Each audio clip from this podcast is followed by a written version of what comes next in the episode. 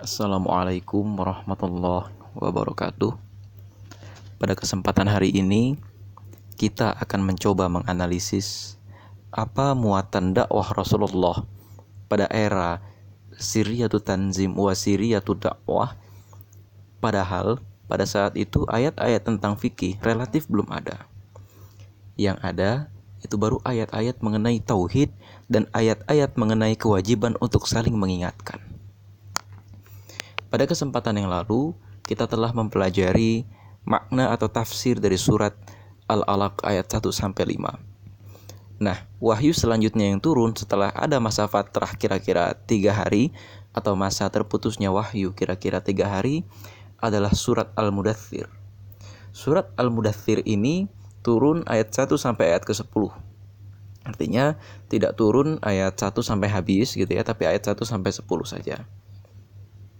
Nah, di masa kecil kita sering e, men mengetahui kesan gitu ya bahwa surat Al-Mudathir seolah-olah diturunkan langsung otomatis gitu ya. Pada saat Rasulullah itu di dalam pelukan Khadijah minta diselimuti dan kemudian turun wahyu surat Al-Mudathir. Tapi terlepas dari itu, gitu ya kita berfokus saja e, bagaimana kemudian yang dipahami Rasulullah atau setidak-tidaknya kita mencoba menerka bagaimana cara Abu Bakar As-Siddiq mengajak kawan-kawan yang lain untuk masuk Islam. Padahal pada saat itu syariat Islam itu belum lengkap. Pertanyaan ini juga barangkali menghantui pikiran kita. Bagaimana cara kita mengajak orang masuk Islam tanpa hijab, tanpa syariat halal haram, atau bahkan tanpa peperangan gitu ya, tanpa memaksakan dan tanpa menyalahkan? Bagaimana cara Abu Bakar As-Siddiq mengajak Uthman bin Affan yang merupakan seorang pengusaha, mengajak Bilal bin Rabah yang merupakan seorang budak, mengajak Amir bin Fuhairah, Abdullah bin Mas'ud, dan bagaimana kemudian khususnya cara Rasulullah mengajak Abu Bakar As-Siddiq. Padahal saat itu, ya barangkali syariat halal haram itu belum ada sama sekali. Jawabannya ada surat Al-Mudathir. Meskipun kalau kita lihat, surat Al-Mudathir ini konstruksinya itu bukan konstruksi uh, bukan semacam konstruksi yang jelas sekali bahwa wahai orang-orang yang beriman jangan begini jangan begitu. Atau konstruksinya itu uh, wahai orang-orang yang beriman ya uh, kau lakukan ini kau lakukan itu ini haram ini halal. Ya mari kita cerna pelan-pelan apa yang kemudian atau bagaimana cara Rasulullah mengajak orang pada saat itu A'udzu billahi minasyaitonir rajim. Bismillahirrahmanirrahim. Ya ayyuhal mudaththir qum fa'anzir wa rabbaka fakabbir wa thiyabaka fatahhir wa rujza fahjur wa la tamnun tastakthir wa li rabbika fasbir fa idza nuqira fin naqur fadzalika yawma idzi yawmun asir alal kafirina ghairu yasir sadaqallahul azim wahai orang yang berkemul, bangunlah, lalu berilah peringatan. Dan agungkanlah nama Tuhanmu. Bersihkan pakaianmu dan tinggallah segala perbuatan yang keji. Dan janganlah engkau memberi dengan maksud memperoleh balasan yang lebih banyak. Dan karena Tuhanmu, bersabarlah. Maka apabila sangkakala ditiup, maka itulah hari yang serba sulit bagi orang-orang kafir tidak mudah. Jadi, pertama, Islam itu sebetulnya membangkitkan sensitivitas dari seorang individu ketika melihat satu kebatilan dan melihat penindasan. Inilah yang membedakan antara ajaran Islam dengan ajaran yang bukan Islam. Islam itu mewajibkan orang untuk mengingatkan orang lain bahwa, wahai orang-orang, engkau itu sesungguhnya sedang dizolimi. Jadi memang mirip dengan ajaran komunis, bahkan Islam lebih sempurna lagi, mirip juga dengan mungkin ajaran ideologi-ideologi Marxis gitu ya. Wahai orang yang berkemul, bangunlah lalu berilah peringatan. Artinya, ayo lihat itu masyarakat sedang ditindas.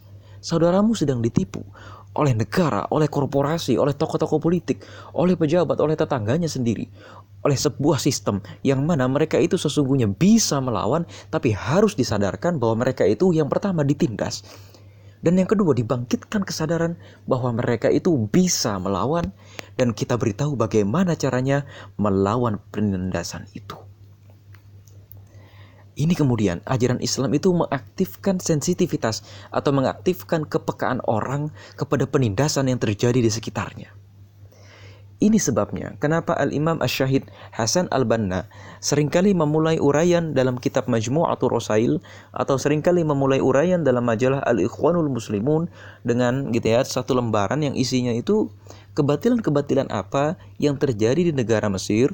Lalu setelah itu di paragraf-paragraf akhir baru beliau Al-Imam Syahid Hasan Al-Banna memasukkan ayat-ayat Al-Quran sebagai penjelas atau memasukkan kesimpulan dalam sebuah ayat Al-Quran karena memang Islam itu akan lebih efektif gitu ya. Atau Islam itu memang muncul sebagai petunjuk sebagai reaksi ya. Bagaimana agar manusia hidup di tengah-tengah muka bumi tanpa mengalami masalah atau tanpa mengalami benturan. Dan kuncinya adalah ada sekelompok orang yang mengingatkan bahwa engkau menzolimi dan engkau itu dizolimi. Maka bangunlah lalu berilah peringatan Orang tidak akan bisa memberikan peringatan kalau dia tidak tahu orang yang dia berikan peringatan itu sedang mengalami apa. Dia juga tidak bisa memberikan peringatan kalau dia sendiri tidak tahu dia dalam posisi apa. Gitu loh. Maka di sini Nabi Muhammad disuruh memberikan peringatan. Dalam arti Nabi Muhammad itu sudah tahu bahwa kondisi masyarakat tertindas kondisi masyarakat ini tidak tahu bahwa dia sedang tertindas dan yang kedua tidak tahu bagaimana cara melawan penindasan tersebut. Maka ini yang kemudian menjadi reaksi Abu Jahal, menjadi reaksi Abu Lahab dan menjadi reaksi Abu Sufyan. Nah, dari sinilah kemudian kita tahu gitu ya, ajaran Islam awal-awal itu hanya membangkitkan sekedar membangkitkan perasaan ingin saling menasehati, hanya sekedar membangkitkan perasaan uh, uh, ingin saling menolong, tapi saling tolong menolong ini bisa menjadi bahaya bagi sebuah rezim yang hidup dari penindasan dan kebatilan yang terlanjur mengakar di tengah-tengah masyarakat. Ini yang kemudian istimewa gitu ya. Yang ketiga, langsung disediakan jawaban, agungkanlah Tuhanmu warabbaka fakabbir dan tinggikan nama Tuhanmu artinya apa ideologimu itu adalah ideologi religius Ideologimu itu adalah la ilaha illallah. Ideologimu itu adalah meninggikan Tuhan di atas segalanya, maka tidak boleh kau tinggikan di bawah Tuhan atau kau tinggikan selain Tuhan, seperti Tuhan. Kau tinggikan bosmu, kau tinggikan sistemmu, kau tinggikan negaramu, kau tinggikan atasanmu, kau tinggikan ideologi selain Islam, kau tinggikan ini itu yang kemudian menyebabkan kau tidak bisa membebaskan dirimu dari penindasan dan bersihkanlah pakaianmu. Ini mengandung arti tampillah ke muka publik. Gitu loh. Bergeraklah ke muka publik. Karena Nabi Muhammad diminta membersihkan pakaian ini, maksudnya sucikan dirimu karena kau nanti akan jadi tokoh publik. Gitu loh. Kita nggak akan bisa gitu ya menjadi seorang juru dakwah kalau kemudian pakaian kita itu kotor dalam arti kita itu tidak siap tampil ke muka publik itu yang pertama karena pakaian kotor gitu ya ini berarti kita tidak tampil ke muka publik itu yang pertama.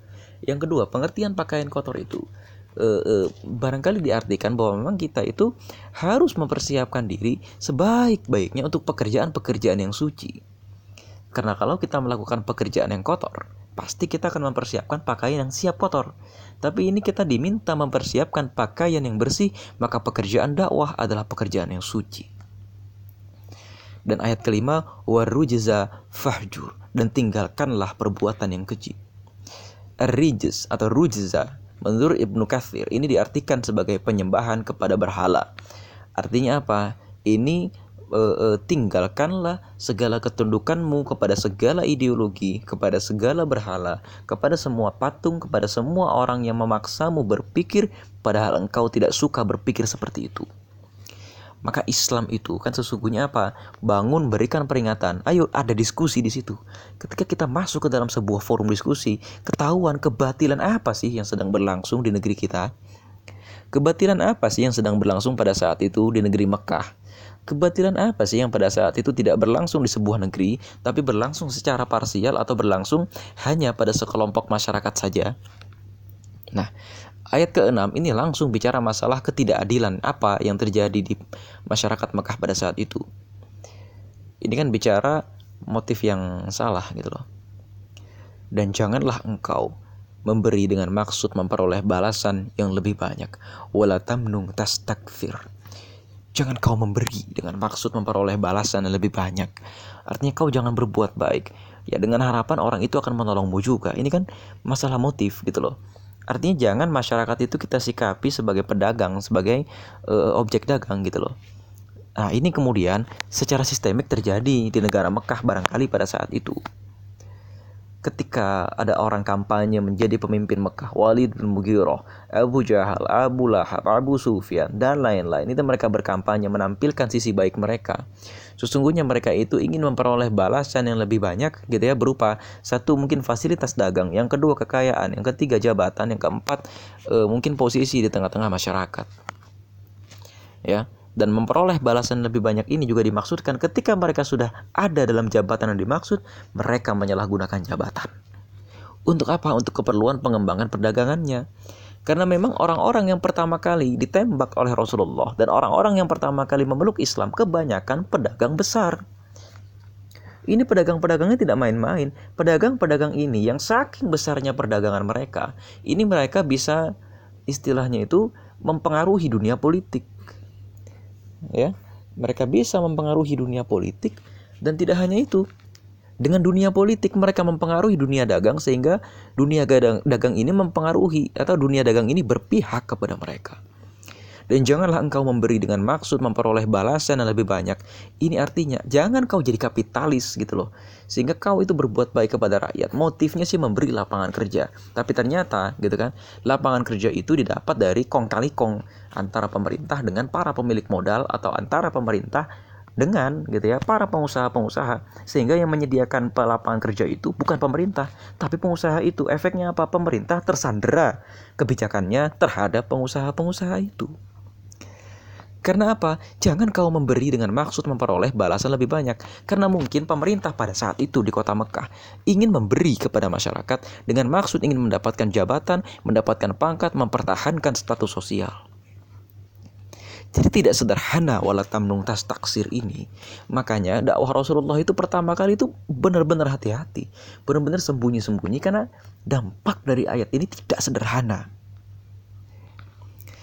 Dan ayat ketujuh langsung bicara masalah loh. Kalau ayat keenam begitu bahaya banget dong. Lah betul. Iya kan? Makanya ayat ketujuh mengatakan wali bika fasbir. Karena Tuhanmu bersabarlah wahai Muhammad. Karena seperti dikatakan Waraka bin Aufal, kau akan diusir, kau akan di, di dilempar oleh kaummu, kau akan dikatakan gila dan lain-lain. Karena apa? Kau melawan sebuah sistem. Kau berpikir dan bertindak merdeka, maka kau melawan sebuah sistem. Dan kunci pembedanya adalah hari kiamat. Orang-orang yang beriman percaya, kenapa sih kita harus hidup baik di dunia ini? Kenapa sih kita itu harus memberi dengan jangan punya maksud buruk di belakangnya? Karena nanti segala perbuatan kita itu akan dibalas di hari kiamat. Maka apabila sangka kalah ditiup, maka itulah hari yang serba sulit. Ini halusnya Al-Quran. Ngomongin kiamat tapi nggak nyebut kata-kata kiamat pada ayat ke-9 fadzalika yauma idzi yaumun asir dan pada hari itulah maka itulah hari yang serba sulit. Artinya bagi orang kafir ini perhitungannya susah. Dan uniknya di surat Al-Mudathir ini untuk pertama kalinya di kota Mekah di zaman itu gitu ya orang mengenal istilah kafir. Artinya baru wahyu kedua sudah ada istilah kafir ya kan? Alal kafirina ghairu yasir Padahal pada saat itu syariat Islam belum ada. Artinya belum banyak gitu loh. Syariat Islam baru terbatas pada la ilaha illallah dan wala tamnung tas taksir. Udah itu aja. E, artinya la ilaha illallah lalu berilah peringatan, berilah nasihat, agungkan Tuhanmu dan kemudian tinggalkanlah segala perbuatan keji yang dijelaskan kemudian karena engkau menciptakan berhala-berhala itu. Gitu kan engkau melakukan perbuatan-perbuatan keji itu. Ya. Engkau memberi dengan maksud memperoleh balasan yang lebih banyak. Nah, di sini artinya begini. E, memang dampak langsung dari sebuah kekafiran ini biasanya sebuah peradaban dibangun tidak atas dasar keadilan. Dan keadilan pertama dibangun atas dasar pemikiran gitu loh. Jadi begini, ini contoh, ini contoh gitu ya. E, e, e, e, contoh peradaban yang dibangun tidak atas dasar keadilan adalah di negara-negara barat sana ya ini menerapkan misalnya ada propaganda bagi negara berkembang ini wajib menjaga hutan dan wajib menjaga lingkungan gitu ya. E, ini memang mungkin mengagetkan kalau kita bahas di sini gitu ya. Nah e, negara-negara barat itu selalu mempropagandakan bahwa negara-negara berkembang harus menjaga hutan. Padahal negara-negara maju itulah yang kebanyakan menciptakan polusi dan kemudian e, menciptakan pabrik dan menciptakan sejumlah besar standar agar ketika negara-negara berkembang itu meminjam uang kepada mereka atau meminta bantuan kepada mereka, ya negara-negara berkembang itu membuka pabrik dan kemudian mencemari lingkungan. Padahal itu juga untuk kepentingan negara maju tadi. Ya, dan beberapa organisasi-organisasi yang diciptakan oleh negara-negara maju itu mendesak negara-negara berkembang untuk e, membuat kebijakan ramah lingkungan tapi tumpul kepada negara-negara maju itu. Gitu loh. Nah, ini contoh gitu ya. Artinya gini e, e, kenapa sih kok kok dikatakan kafir? Ya janganlah kamu memberi dengan maksud memperoleh balasan lebih banyak. Artinya gini jangan kita itu cari untung di setiap kesempatan gitu loh. Kita nggak peduli lagi kepada satu negara. Ini negara berkembang gitu ya. Nggak peduli lah yang penting cari untung dulu situ. Atau ini ada ada urusan politik nggak peduli lah yang penting cari untung dulu di situ. Maka itu yang terjadi. Di kota Mekah barangkali pada saat itu gitu ya. Kan kegiatan utama pada saat itu di kota Mekah adalah berhaji. Haji pada saat itu dianggap sebagai proyek-proyek politik. Ada uang di situ. Gitu kan e, e, maka di sini kemudian orang-orang Quraisy itu kan bikin semacam fatwa ya bahwa pakaian-pakaian yang dipakai pada musim haji itu harus dibeli di kota Mekah. Yang tidak dibeli di kota Mekah tidak boleh digunakan. Dan kalau nggak punya duit lagi, ya udah telanjang aja. Nah itu kan yang kemudian eh, jangan engkau melayani orang-orang yang naik haji itu dengan maksud untuk memperoleh keuntungan dari orang-orang yang naik haji itu. Ya, jangan engkau misalnya mengelola dana umat dengan maksud gitu ya untuk memperoleh balasan lebih banyak. Kelola aja udah gitu loh. Artinya gini ini ada konsep keadilan di sini. Gitu kan? Dan kewajiban kita sebagai individu-individu bangun beri peringatan dengan cara yang tentu saja nanti dijelaskan dalam wahyu yang seterusnya dengan yang santun yang alim dan seterusnya gitu ya. Agungkan nama Tuhanmu bersihkan pakaianmu dan tanggalkan segala perbuatan yang keji yang dijelaskan. Jangan kau maksudnya itu mengelola dana umat gitu kan e, niatnya mengelola dana umat tapi ternyata maksud dibaliknya itu ya menyimpan keinginan untuk memperoleh balasan lebih banyak. Jangan engkau tampaknya itu berpihak kepada umat, tapi engkau bermaksud memperoleh balasan lebih banyak. Lihat, hanya dari satu ayat saja, ayat 6 ini adalah wahyu kedua yang turun gitu ya. Wala tamnung taksir, ternyata solusi kebangsaan dan solusi peradaban langsung turun di situ.